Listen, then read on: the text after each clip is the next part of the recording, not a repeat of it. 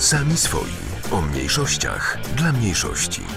Добрий вечір. Перед мікрофоном Софія Баянова. Вітаю вас на хвилях Радіо Вроцлав у передачі Самі свої, де ми розповідаємо про все, чим живе українська спільнота в Нижній Сілезії. Сьогоднішній випуск розпочинаємо авторським інді-поп проектом з Києва під назвою Ганна Бейбі. Послухаймо їх трек Коло Коло, котрий завжди збирає публіку на концертах.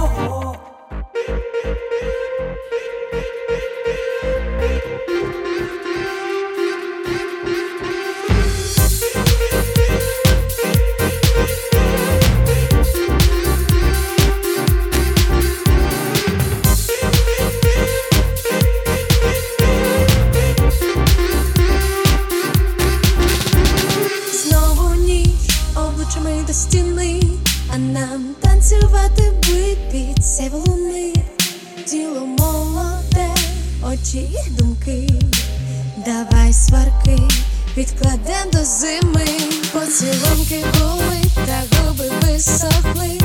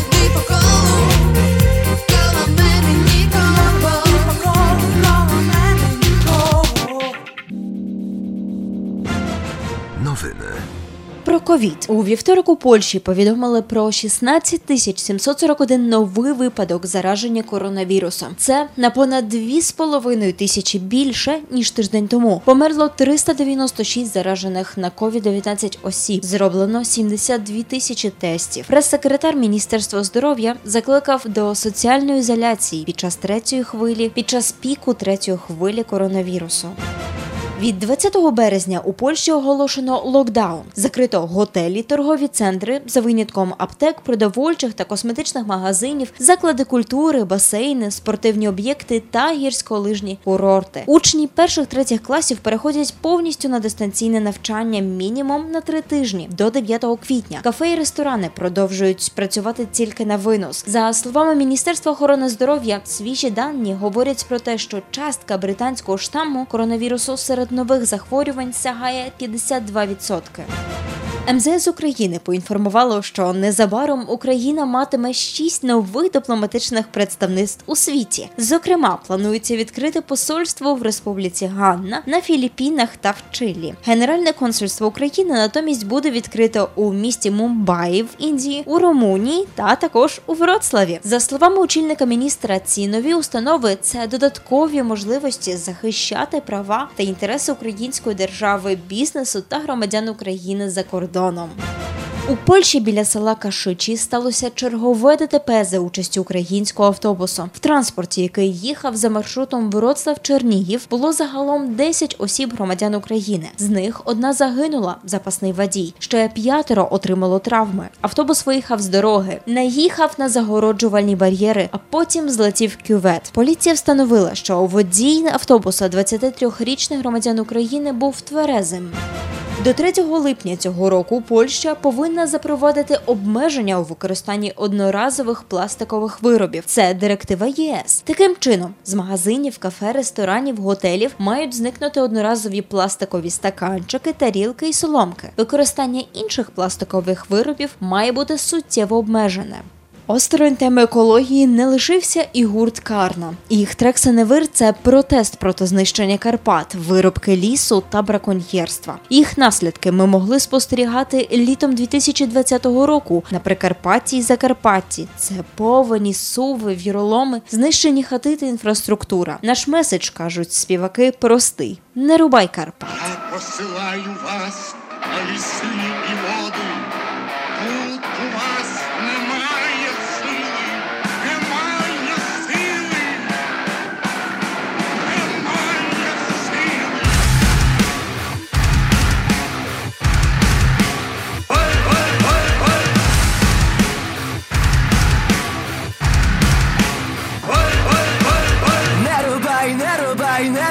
прошу Вісім діточок заховав під гілочку. Не пиляй, не пиляй, не пиляй красу Тисячі річок розільються по війню Кінь зброю, кінь зброю, кінь зброю, не стріляй. Кінь зброю, кінь зброю, кінь зброю, геть.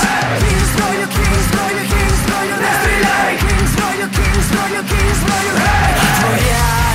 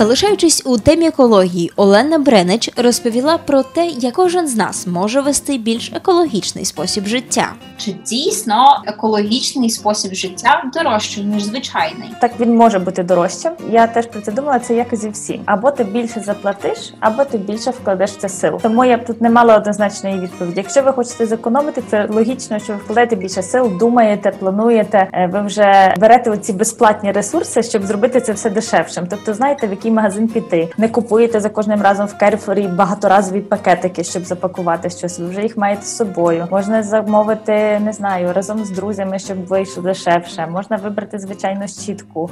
Е, Однозначно, не викидайте свою щітку, якщо ви вирішили бути екологічні прямо сьогодні. Використайте її до кінця, просто вже почекайте на правильний момент, тоді купуйте. Одна справа це пластики, відходи і сміття, а друга справа це, наприклад, також електроенергія чи, наприклад, залишки їжі. Які правила ти тут маєш особисті, які впроваджуєш? Не знаю. Я, наприклад, зубною щіткою там потім ще можу раковину домити. Чи щось Так, те саме роблю вдома. Або якоюсь губкою з кухні, потім витираєш, чистиш ванну, наприклад, щоб вона вже пройшла свій наступний круг. Це правда. Завжди всім закриваю воду, коли хтось чистить зуби, або знаєте, миє руки, потім стоїть і ця вода просто тече. Мене вже як я чую цей звук, і мені хочеться зразу виключити. Стараюся теж якусь електроенергію теж виключити, якщо не потрібно, чи ще щось. Теж дивимося, які лампочки купляємо додому. Тобто, щоб вони теж були енергоощадні. Тобто, щоб на цьому рівні теж зекономити. Зараз часи пандемії багато хто то намагаються підтримувати заклади громадського харчування. Ці всі портали дуже часто привозять пластикових пакуваннях. Так Е, Зараз все насправді трішки складніше. Теж це факт. До цього я власне приходила з власними такими коробочками харчовими, просила покласти туди, якщо я брала з собою. Але зараз теж не всі можуть, і я це теж розумію. Але з іншого боку, в мене теж є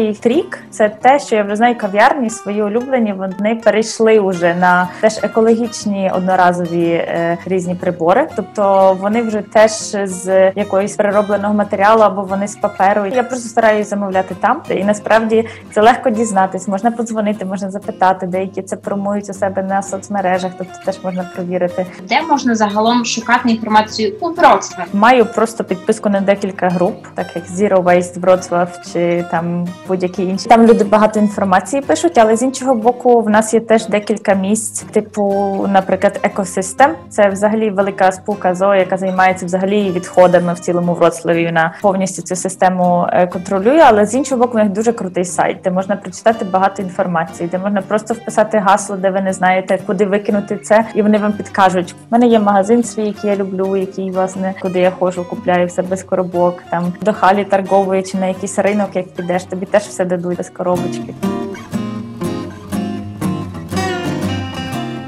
Незважаючи на епідемічні обмеження, жагу до знань не зупинити. Тож хочу запросити батьків та їх дітей до української суботньої школи, яка проводить записи на заняття. Мене звати Анастасія Нетахата. Е, Я е, працюю в українській суботній школі від об'єднання українців у Вроцлаві.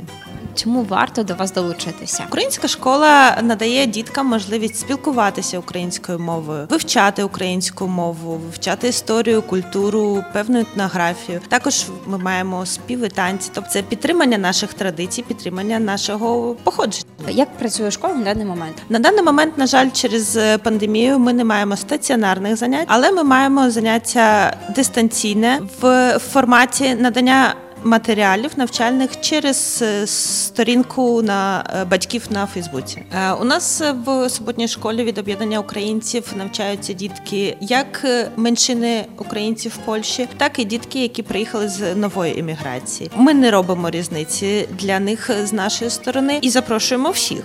В нас в програмі нашої діяльності, крім звичайних занять, є також різноманітні конкурси з таких зазвичай, які ми проводимо. Це е, рецитаторський конкурс щорічний. Беремо участь в конкурсі вишиванки або фестивалі вишиванки. Також Віва Полонія, Віва Україна. Дітки беруть участь в е, цьому фестивалі. Е, Крім цього, маємо додаткові активності до різноманітних свят, до Миколая, до Андрія, до Різдва, до Великодня. Також проводимо різні майстер-класи. Наскільки це є така можливість, проводимо різні конкурси, різні зустрічі, коли є можливість також також е, ходимо на екскурсії по місту, тематичні. Тобто суботня школа це можливість почути себе українцем за кордоном, можливість розвиватися і всім разом дружити. То як записатися? Для запису до нашої української школи на сторінці Українська школа у Вроцлаві на Фейсбуці ми маємо е, форму до запису. Тож запрошуємо. Як тільки закінчиться пандемія, тоді ми зможемо зустрічатися з вами вже стаціонарно на Руській 46А, е, де будуть проходити заняття згідно нашого нормального розкладу. Тобто, це щосуботи, 9 до 1. Чекаємо на це дуже. Хоч 8 березня вже минуло, українські музиканти не припиняють тішити жінок. Несподіваний квартет у складі Олександра Пономарьова, Зідзьо, Артема Півоварова та Алєксєєва виконав культову пісню Чому слухаймо.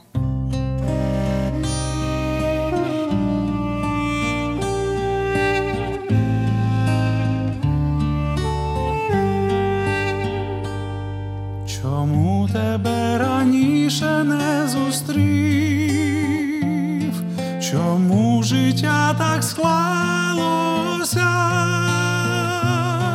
Не ту раніше любив,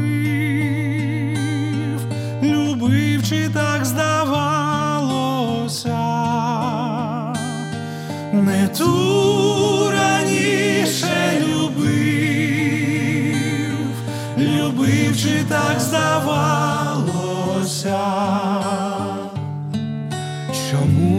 Такі очі, як твої, мені не зустрічалися, не ті очі любив, любив чи так здавалося, не ті очі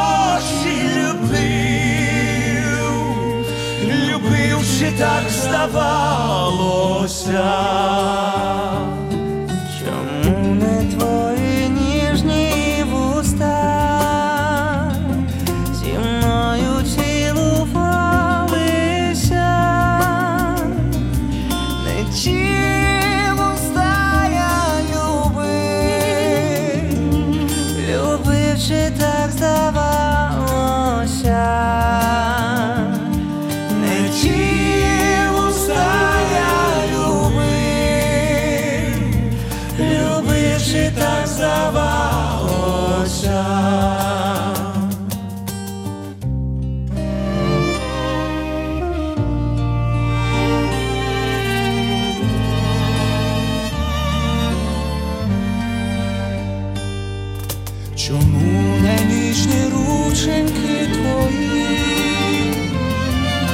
До мене доторкалися,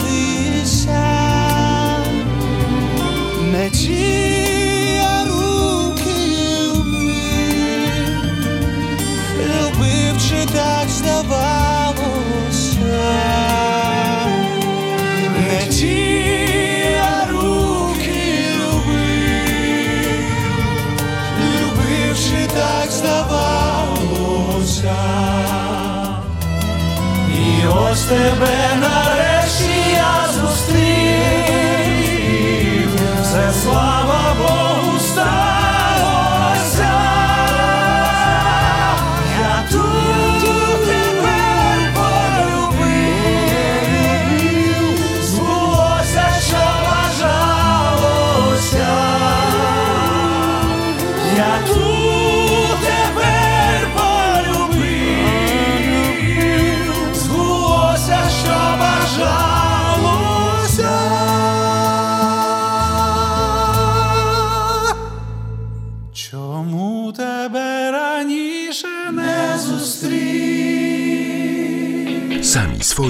kulturalnie. Актор, музикант, мультиінструменталіст. Сьогодні у рубриці Культурні особистості познайомимось з вроцлавським театралом з українською душею Орестом Шараком. Мене звуть Орест Шарак. Я працюю як актор в театрі ЗАР. Цей театр є частиною інституту Кротовського у Вроцлаві. Я є актором, а також музикантом. Пишу і компоную музику. Співпрацюю з лемківською меншиною, яка тут проживає у Вроцлаві. Щодо театру в моєму житті, це почалося з самого дитинства. Я ходив до театральної невеличкої школи. Це був театр поезії, який називався Орфей. Е, Згодом я поступив е, в університет е, імені Івана Франка у Львові, де навчався на акторському факультеті. Закінчивши, я почав працювати в Львівському театрі імені Леся Курбаса. А ще згодом я переїхав до Вроцлава і почав співпрацю з Вроцлавським театром за працюючи в театрі Леся Курбаса. Ми з акторами молодими почали пробувати щось інше, щось нове. Ми почали комбінувати таку музичну драматургію, будуючи саму драму не з тексту, а тільки з музики. І так повстав колектив, який називається Курбаси, адже він був створений на базі театру імені Леся. І так почалася наша пригода з музичною драматургією. Вона продовжується в мене тут також, адже театр, в якому я працюю зараз, він пов'язаний дуже тісно власне з музикою і зі співом. І без музики я не уявляю.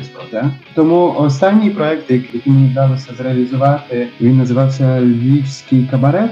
Я взяв старі пісні Львівської вулиці. Ці пісні, які співалися у Львові до 39-го року. Це зазвичай були або вуличні пісні бацярів, або ж пісні, які виконувалися в кабаретах. І я писав якби свої аранжації до цього, е, складав певні історії різних персонажів. Робив це як ем, в акторському виконанні, але також заангажував до цього капелу, яка називається капела тінейджерів, які насправді виконували цю музику. І надзвичайно цікава робота для мене відкривати власне цю музичну сторону. І якось одного дня, коли я ще працював в театрі у Львові, мені надзвичайно сподобалося, як мій е, колега по роботі грав на різних гуцульських музичних інструментах, флоярах, дудах і інших. І я надзвичайно якби вразився цим. Одного дня просто взяв руки флоярку почав грати. Потім собі подумав: хм, дивно, я не вмію, але воно грається. Або ж одного дня я знайшов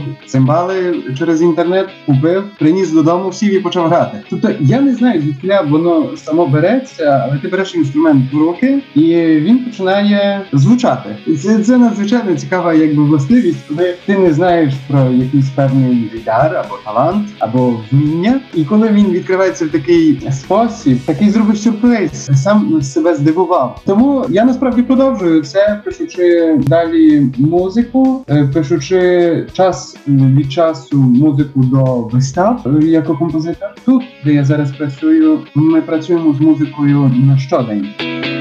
Центром історії заєзня підготував міні-лекції у вигляді відео, які доступні з субтитрами польською, англійською та українською мовами. Цикл лекцій «Вчимося солідарності складається з п'яти кількохвилинних епізодів, в яких розповідається про найважливіші моменти в історії Польщі періоду Польської Народної Республіки. Відео можна безкоштовно переглянути на ютуб каналі Осередку. Вже за хвилину в етері пролунає пісня Літаки від молодого гурту ЧП. Завершення нашого випуску хотілося б перефразувати відому приказку: нехай пандемії незгоди не роблять вам в житті погоди. Дякую за вашу увагу. З вами була Софія Баянова у радіопередачі Самі свої. Бажаю міцного здоров'я та гарного вечора. До зустрічі незмінно в наступну середу. На добраніч. Я залетів буквально на пару порцій чаю, в гості до мами, згадувать минуле. Згадав, як залетів м'яч у вікно на уроці. Про те, як залетіла вчителька, теж не забули. Ми залітаємо на хвилини до рідних і близьких, і вилітаємо, бо кличе робота, майбутнє. А коли їх вже немає, пускаємо слізки. І ті хвилини нам здаються незабутніми. Так, ми такі, ми такі, ми такі. Люди літаки, люди як літаки. Літаємо над хмарами у висоті. Зовні жорстокі, всередині м'які. Так, ми такі, ми такі, ми такі. Люди літаки, люди як літаки. Літаємо над хмарами у висоті. Зовні жорстокі, всередині м'які.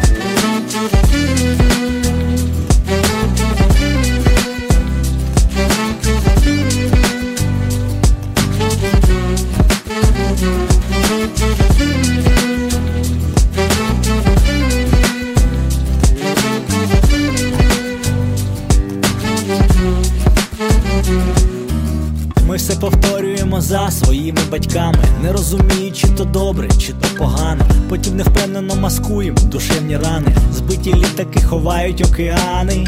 Історії ті самі тільки, різні віки. То люди вітряки, тепер люди літаки. Так ми такі, та і ви теж такі. Зовні жорстокі, всередині м'які. Люди різні, різні потреби, але потім всі відлітаємо до неба. Маєм крила, та мало про них знаєм. Люди літаки чомусь так мало літають. Люди різні, різні потреби, але потім всі відлітаємо до неба. Маєм крила, та мало про них знаєм. Люди літаки чомусь так мало літають. Так, ми такі, ми такі, ми такі. Люди літаки, люди як літаки. Літаємо над хмарами у висоті. Зовні жорстокі, всередині м'які. Так, ми такі, ми такі, ми такі. Люди літаки, люди як літаки. Літаємо над хмарами у висоті. Зовні жорстокі, всередині м'які.